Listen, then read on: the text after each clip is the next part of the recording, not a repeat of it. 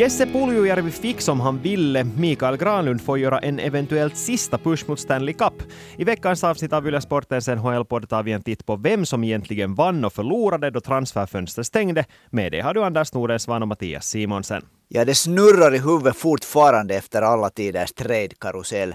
Kvicka ryck kan man säga.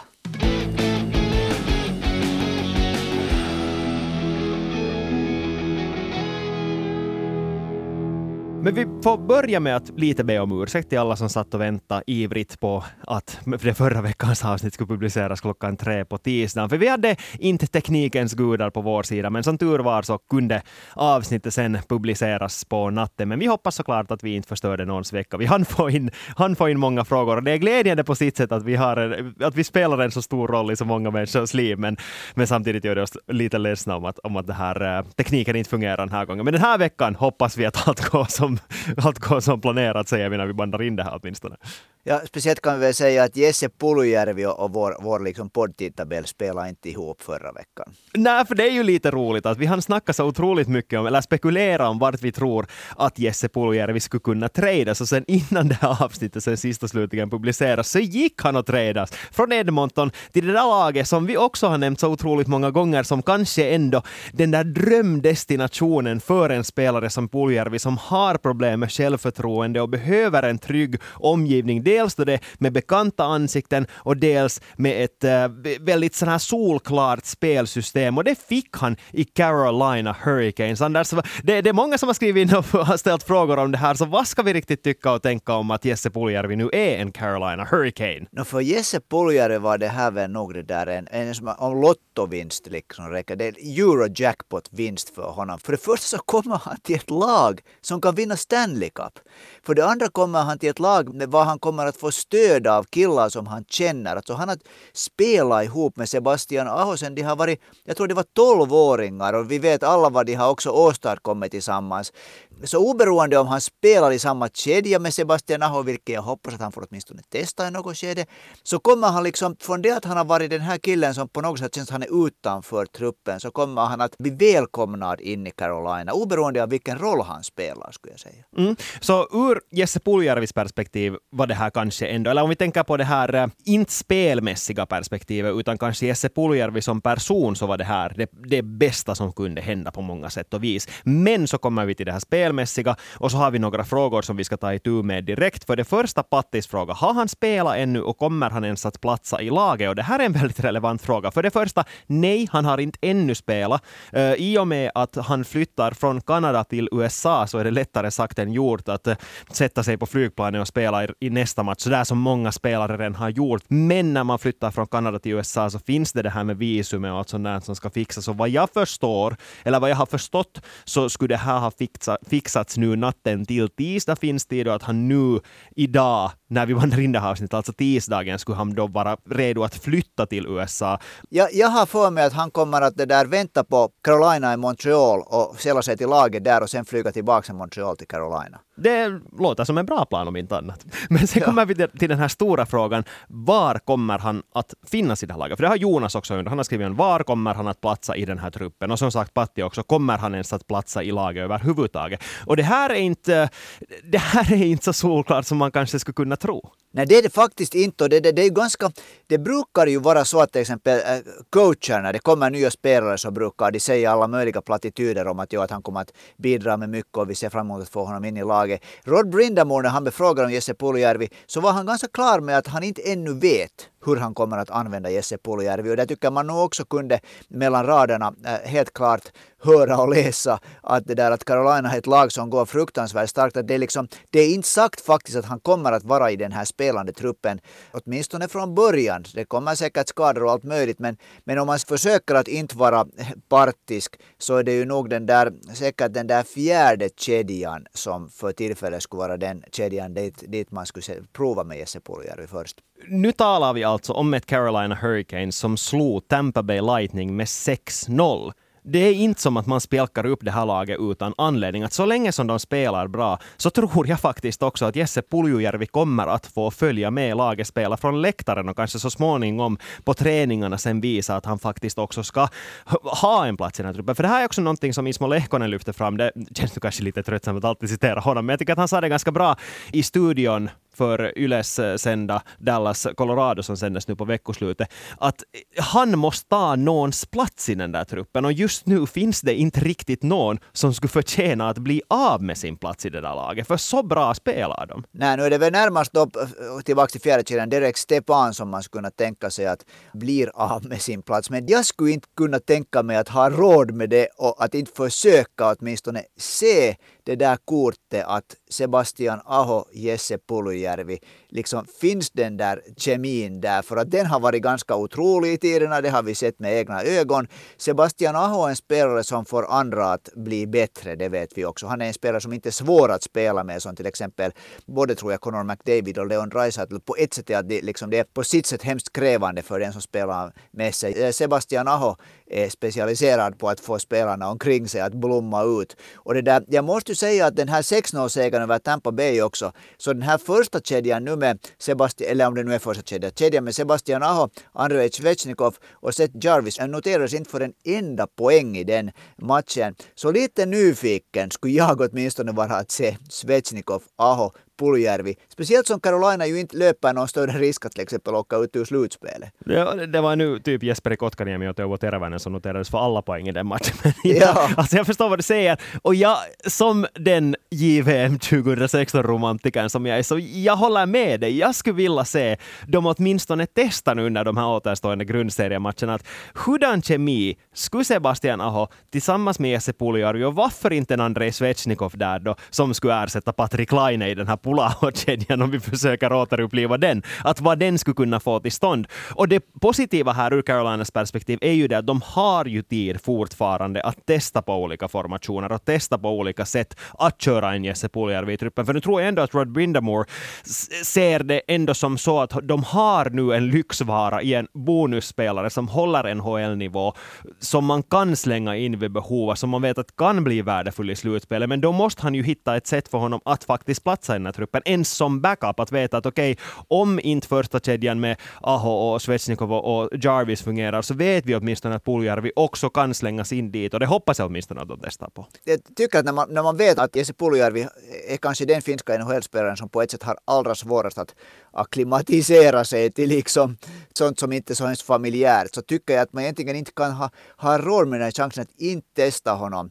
nu med andra finska spelare. Den här det finns att välja på. Det finns såklart då också Teräväinen och Jesperi Kotkaniemi där. Men den där Sebastian Aho som sagt och Puljärvi, så det är ju inte bara det där JVM 2016, det är också en lång historia tillsammans i Kärpät. Så det finns nog så mycket att det där att hoppas, och hoppas att Rod Brindamore har liksom också funderat på att, hej, att, att se på Eli Tolvanen, liksom, att den här spelaren när den plötsligt får sin liksom andra andning så kan det lyfta riktigt ordentligt och Jesse Puljärvi har egenskaper, bara de bara blommar ut. Men för att vi nu ska vara alltför positiva här så kanske vi ändå måste konstatera att alla finländare är inte lika optimistiska heller. Till exempel Tumpi som har skrivit, skriver så här, jag tror inte personligen att Puljärvi kommer att lyckas överhuvudtaget i Carolina. Att NHL, har, eller NHL verkar vara för snabbt för honom helt enkelt och i Carolina kan det bli för mycket. Alltså, det, det här är just det att när han är ett sånt frågetecken, det har vi talat så många gånger om, när man inte vet fortfarande hurdan spelare han är.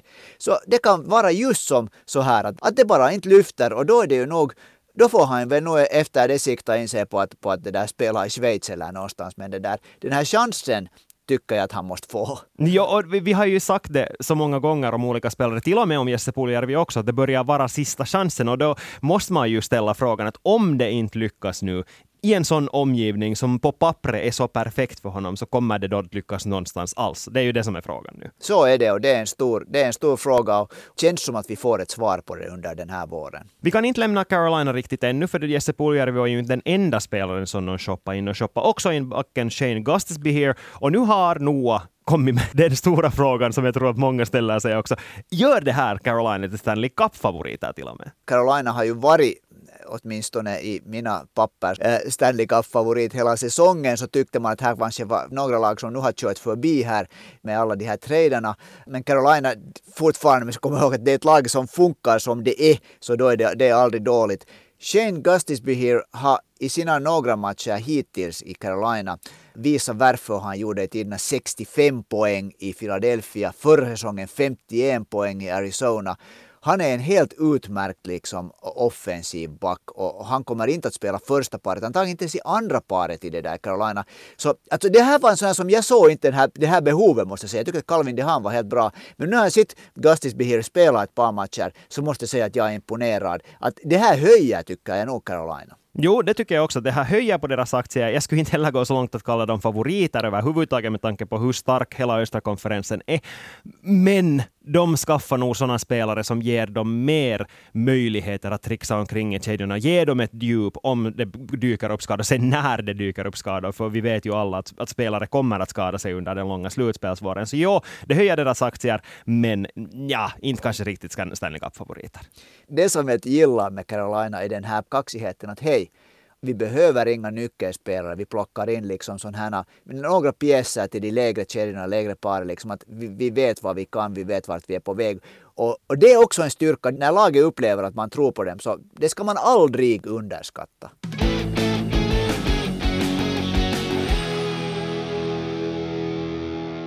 Ett annat lag som valde att satsa uttryckligen på de lägre kedjorna, trots att vi kanske såg den här spelaren som en spelare i de högre kedjorna, så är Pittsburgh Penguins, som i praktiken ersatte Kasperi Kapanen med Mikael Granlund. Ett val i den andra draftomgången kostade han, och det här är en trade som sågades vid fotknölarna av media i Pittsburgh. Nu har jag liksom läst lite reaktioner, för att eh, de här reportrarna, insatta reportrarna, tycker att det här var det sämsta som Pittsburgh Penguins kunde göra. Inte bara det att de har ett gammalt gammalt lag. De plockade in ytterligare en ganska gammal spelare, 31-åriga Mikael Granlund, som du kanske inte är världens äldsta spelare, men ändå en som höjer på medelåldern i laget. Och att de dessutom betalar ett val i den andra draftomgången för honom verkar vara helt ofattbart enligt de här insatta reportrarna. Men de har också fått ganska mycket mothugg av fansen som ändå ser Mikael Granlund som en spelare som har någonting att bidra med om han kanske till och med skulle kunna få en lite större roll än vad han får just nu.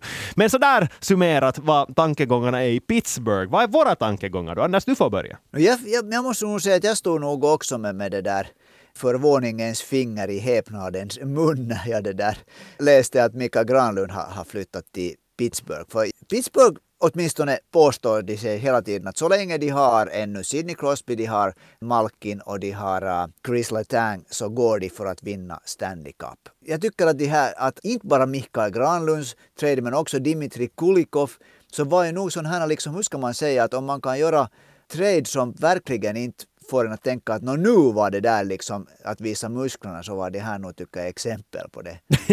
det är kanske också sant. Men Ron Hextall sa att när de för två år sedan tradade in Jeff Carter så ville han egentligen ha Mikael Granlund och nu fick han äntligen Mikael Granlund. Och ja, man kan tycka att han var i ett sånt kontraktsituation med ett Nashville som bevisligen bygger om att de antagligen skulle ha kunnat tvinga fram en bättre deal och det här antagligen var så att Pittsburgh erbjöd ett val i den andra omgången och Nashvilles David Poyle sa genast bara ja, ja okej, vi kör, tack för det där.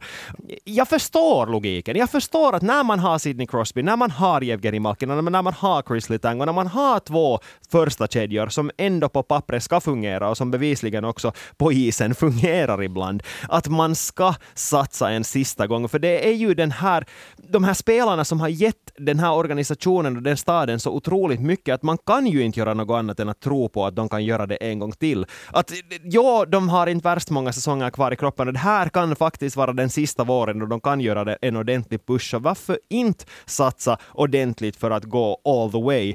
Sen är frågan om Mikael Granlund är rätt spelare att spela i tredje kedjan som hans plan nu verkar vara och samtidigt besvarar vi Jonas fråga som har skickat in och undrar vad, hur kommer Granlund att passa in i Pittsburgh? Så åtminstone på pappret ska han spela i tredje kedjan med Jeff Carter som har varit usel den här säsongen istället för en Kasperi Kapanen som också var usel den här säsongen. Och Mikael Granlund har ju inte heller en jättebra säsong bakom sig. Så som svar på frågan om han kommer att passa in där så är det väl lite, ja, får se.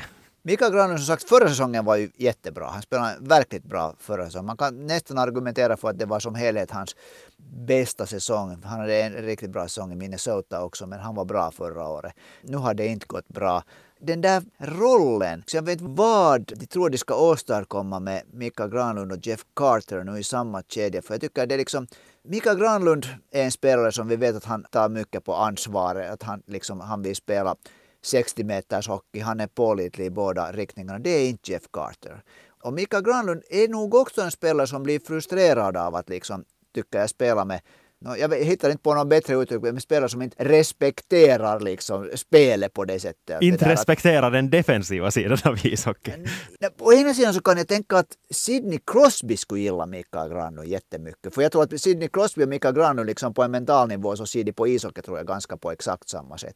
Det tror jag absolut och jag tror att det skulle vara jätteroligt om han skulle få spela tillsammans med Sidney Crosby. Men samtidigt så är den där ettan ju ändå ganska fungerande för det mesta. Du har en Gensel och Crosby som spelar otroligt bra tillsammans Rickard Rakell som ändå kompletterar dem, tycker jag, och, och bidrar med, med äh, väldigt vast offensivt kunnande. Jag tror att Granlund och Crosby skulle passa jättebra ihop, då till exempel tillsammans med Gensel också, men det, när den liksom redan den där ettan i Pittsburgh är så pass bra som den är så tror jag att det snarast skulle kanske vara mer aktuellt att han skulle lyftas upp till tvåan. Och där sen igen är det ju någonting som många har lyft fram, att där skulle han eventuellt kunna spela tillsammans med Jason Zucker. Och de var väldigt bra tillsammans ja, i Minnesota. Det, där tycker jag, jag att är det bara en övergångsperiod period när de, de vill ha in honom. För att om man tänker på den där kedjan nu med, med Jeff Carter så den skulle ju ha behövt en sån här skridskostark, lite typ power forward ytter, eller åtminstone en snabb åkare, liksom, liksom här, tycker jag är en ganska rätlinjespelare. Du, liksom, du, menar, du menar en Kasperi Kapanen? No, en, en Kasperi Kapanen som lever upp till det vad, vad hans egenskaper borde vara. ouch, ouch, okej. Okay. Ja.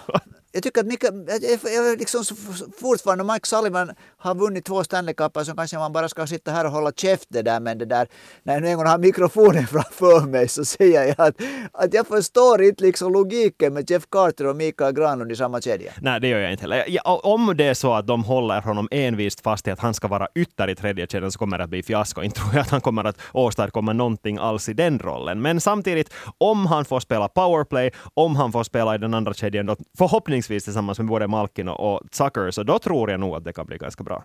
Zucker sa själv i en intervju att, ja, att han har alltid sagt att han fick sitt, sitt liksom bästa kontrakt i tiden i Minnesota tack vare Mikael Granlund. Han stod bara och väntade på passningar och slog in puckar. En finländsk trade ska vi ännu snacka om innan vi går vidare till vinnarna och förlorarna. Och det är ju den som jag hade rätt om. Det tänker jag skryta helt öppet med det, för jag hade 100% rätt om den här. Jag, men jag hoppade med i din buss. Jag vet, men det var jag som startade bussen. Det var jag som ja, satt mig bakom ratten och sa att Anders, kliv på nu här. Du vill kliva på. Du klär på. För du visste också att det kommer att hända. Jonas Korpisalo tillsammans med Vladislav Gavrikov, precis som jag sa, till Los Angeles Kings.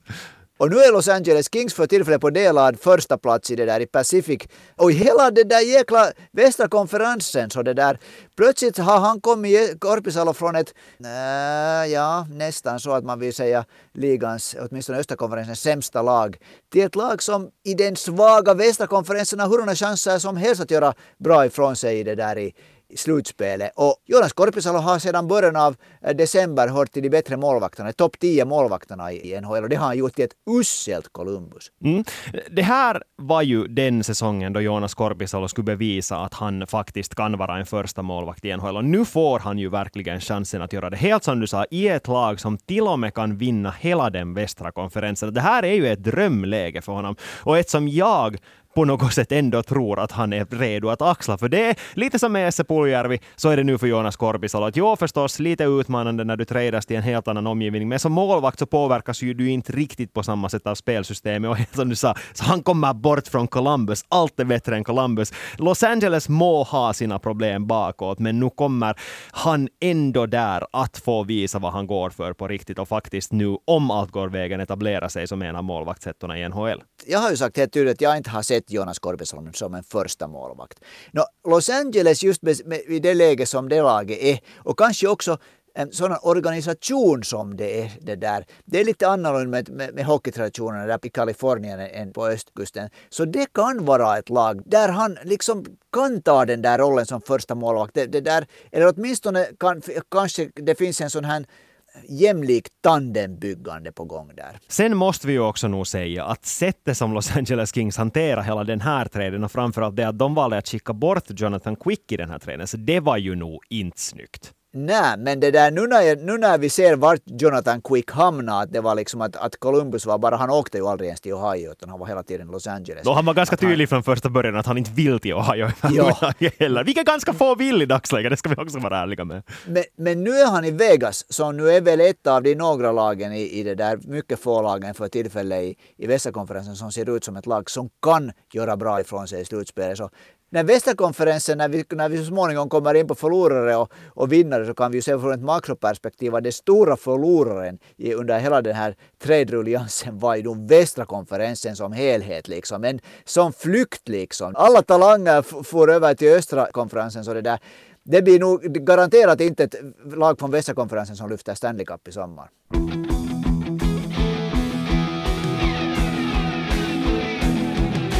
Vi går in på snacket kring vem som egentligen vann och förlorade trade deadline. Och det här vill ni faktiskt höra också. Både Pontus och Joshua skickade in och frågade oss vem egentligen som var transfergalenskapens vinnare och förlorare. Och Anders, du får börja. Jag tycker att vi börjar med förlorarna. För mig är nog Florida Panthers en riktigt förlorare. De tog liksom, det kändes som att de tog liksom slag bara på käften och konstaterade att det där, de tappade sin Spencer Knight kommer kanske inte att spela med den här våren. Nu är allt på Bobrovski som verkligen inte har varit pålitlig i längden. Vad Florida liksom, de har gett upp. Jonas undrar också varför gjorde Florida inte någonting? Ja, alltså det är nästan som man, det är nästan så där liksom att man undrar att, att det blir liksom, blir det sån här förlamning liksom. Var, var liksom så att de vill inte tro vad som har hänt och konstatera liksom att de fick inte bara något gjort. Nej, alltså ibland är det ju bara så att hur man än försöker så lyckas man inte få in de där tradesen som man är intresserad av för att de där spelarna som man har på sin lista går någon annanstans eller att priset på dem är för högt eller är till och med ett sånt pris som man inte klarar av att betala. För nu ska vi också minnas att Florida har varit köpare vid trade deadline redan i flera år. Florida har shoppat in spelare, till exempel senast Claude Giroux förra säsongen. Att, att det kanske helt enkelt var så att de inte hade sådana val i draften som de var beredda att sälja för de spelarna som fanns tillgängliga och de där stora fiskarna sen var sen för stora för dem. Eller att de till och med blev bortskrämda av Claude Giroux förra säsongen när de såg hur det gick sen sist och slutligen. Att jag, kan, se- jag kan tycka att, att det finns förklaringar, även om vi inte vet exakt varför det gick som det gick. Men samtidigt måste jag nog också hålla med dig om att de nog är en förlorare. För det här, var, det här är ett lag som var på gränsen till att vara slutspelsaktuellt och nu, ja, Sami undrar, har tåget nu gått? No, jag skulle säga att tåget har nog gått för att det där, alltså fortfarande så den där forwardtruppen ser ju bra ut. Liksom, den har potential, den har bl- blixtar emellan till här och det är så otroligt.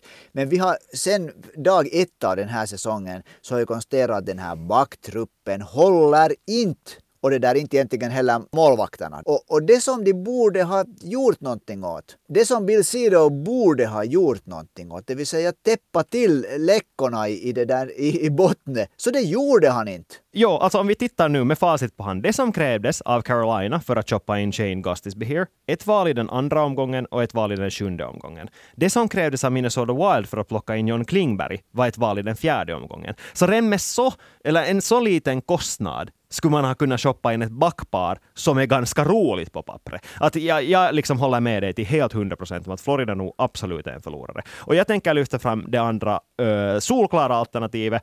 För det första, det som jag ville prata om egentligen, men som jag tror att vi inte egentligen behöver prata om, för vi kommer nog att prata om under senare under våren också. Så det är Colorado Avalanche. Men istället tänker jag också fokusera på den östra konferensen och ett lag som alla kastar skit på just nu, så jag tänker ställa mig i kören och säga att Philadelphia Flyers, som inte heller riktigt gjorde någonting, så de misslyckades nog kapitalt också. De kritiseras. Chuck Fletcher kritiseras verkligen för att de till exempel inte ens klarade av att sälja James Van Reemsdijk som var på väg till alla möjliga klubbar ännu under den här deadline-dagen, men som till slut inte skickades någonstans alls. Och Chuck Fletcher tycks nog ha tagit det här personligt för han blev ju riktigt oartig när han blev tillfrågad om, om det där James van, van Reemsdijk. Han gillade inte alls att diskutera det ämnet det där.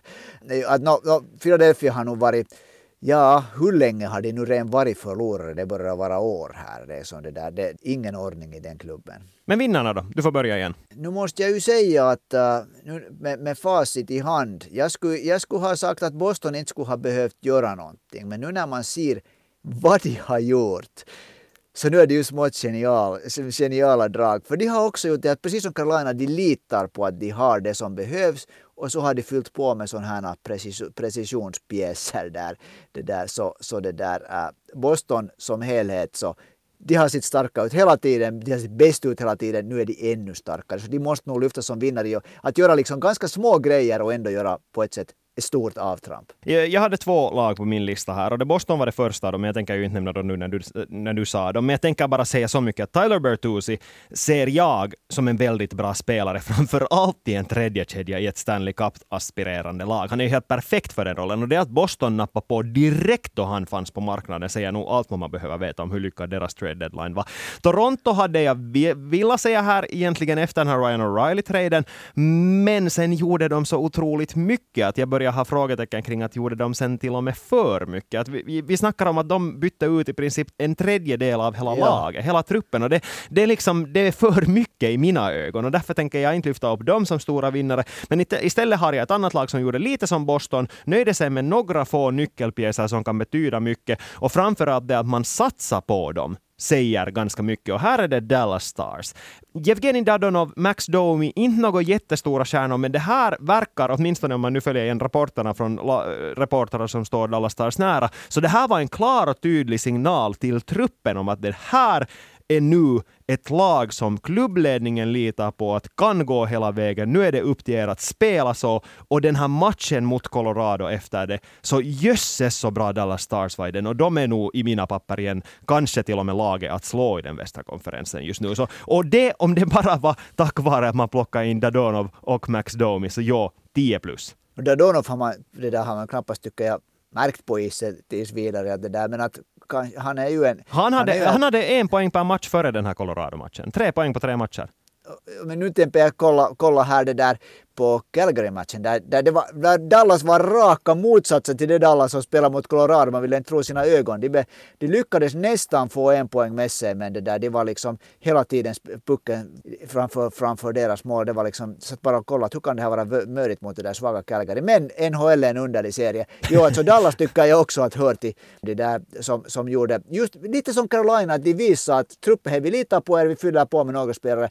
Men nu vill jag ändå, jag vill, jag vill liksom ge tummen ögonen upp för, för Kyle Dubas för det där. Jag tycker att det där egentligen, all, varje kan motiveras. Han har tagit in sådana spelare som jag tycker att borde bidra och göra Toronto till ett bättre lag just nu. Men sen är den där frågan att när man byter ut en tredjedel av truppen, så det där, vad har det för inverkan? Okej, okay, så har de så grymt starka, de där, deras ledande spelare. Och, och det där Ryan O'Reilly kommer direkt, nu är han skadad, men han kommer direkt att höra till de ledande spelarna. Jag tror att han fogar sig in dit utan något som helst problem. Så där, nu vill jag ge åt Dubas en stor tumme upp. Sen till sist en ganska intressant fråga av Sebastian. Vilken trade har störst potential? lämna lite utrymme för tolkning här också, men du får börja att tolka den. För mig var nog det här när, det där, när Ryan O'Reilly kom till Toronto, så då, det var på något sätt för mig att liksom att aha, att nu går de in för att vara ett lag som, som förutom att de gör poäng så det där blir jävliga att spela emot. Också då Noah chari kom där i, i det där i, i, i samma paket. Så den trade om man får ha två spelare i en trade så den för mig liksom, den reagerar jag på att det här sitter nog. Det här var tufft. Jag tänker ändå säga att Jesse Puljärvi-traden har den största potentialen för Carolina. För om de lyckas få ur den potentialen ur honom, som han, vi vet att alla, alltid har funnits där. Så om han blir den där spelaren som många, åtminstone i Finland, fortfarande tror att han kan bli, så då att de i princip fick honom helt gratis, så då är det nog en trade som kommer att se jättebra ut i framtiden. Men det här är osannolikt att det händer så att Jesse Puljärvi skulle bli en NHL-stjärna, men jag ser ändå att den här potentialen i den här traden är så pass stor att jag vill lyfta fram den. Det är roligt. Det där, jag får, jag får lyfta, hoppa lite i andra riktningen, för nu var det den här den, den traden som skulle bli den traden som alla visste så kommer Patrick Kane till, till, New York Rangers. Och nu har han spelat ett par matcher i New York Rangers och herre yes, det har inte sett bra ut. Det här var det som ser på pappret fantastiskt ut. Kan det bli motsatsen? Kan det bli den totala floppen i praktiken? Och med detta vi sätter punkt för det här avsnittet av Ylesportens NHL-podd. Om du har en fråga eller förslag på samtalsämne eller vad som helst så skicka in det på Ylesportens Instagramkonto eller per mail till svenskasporten.yle.fi. Vi hörs igen nästa tisdag. Tack och hej och ha det bra!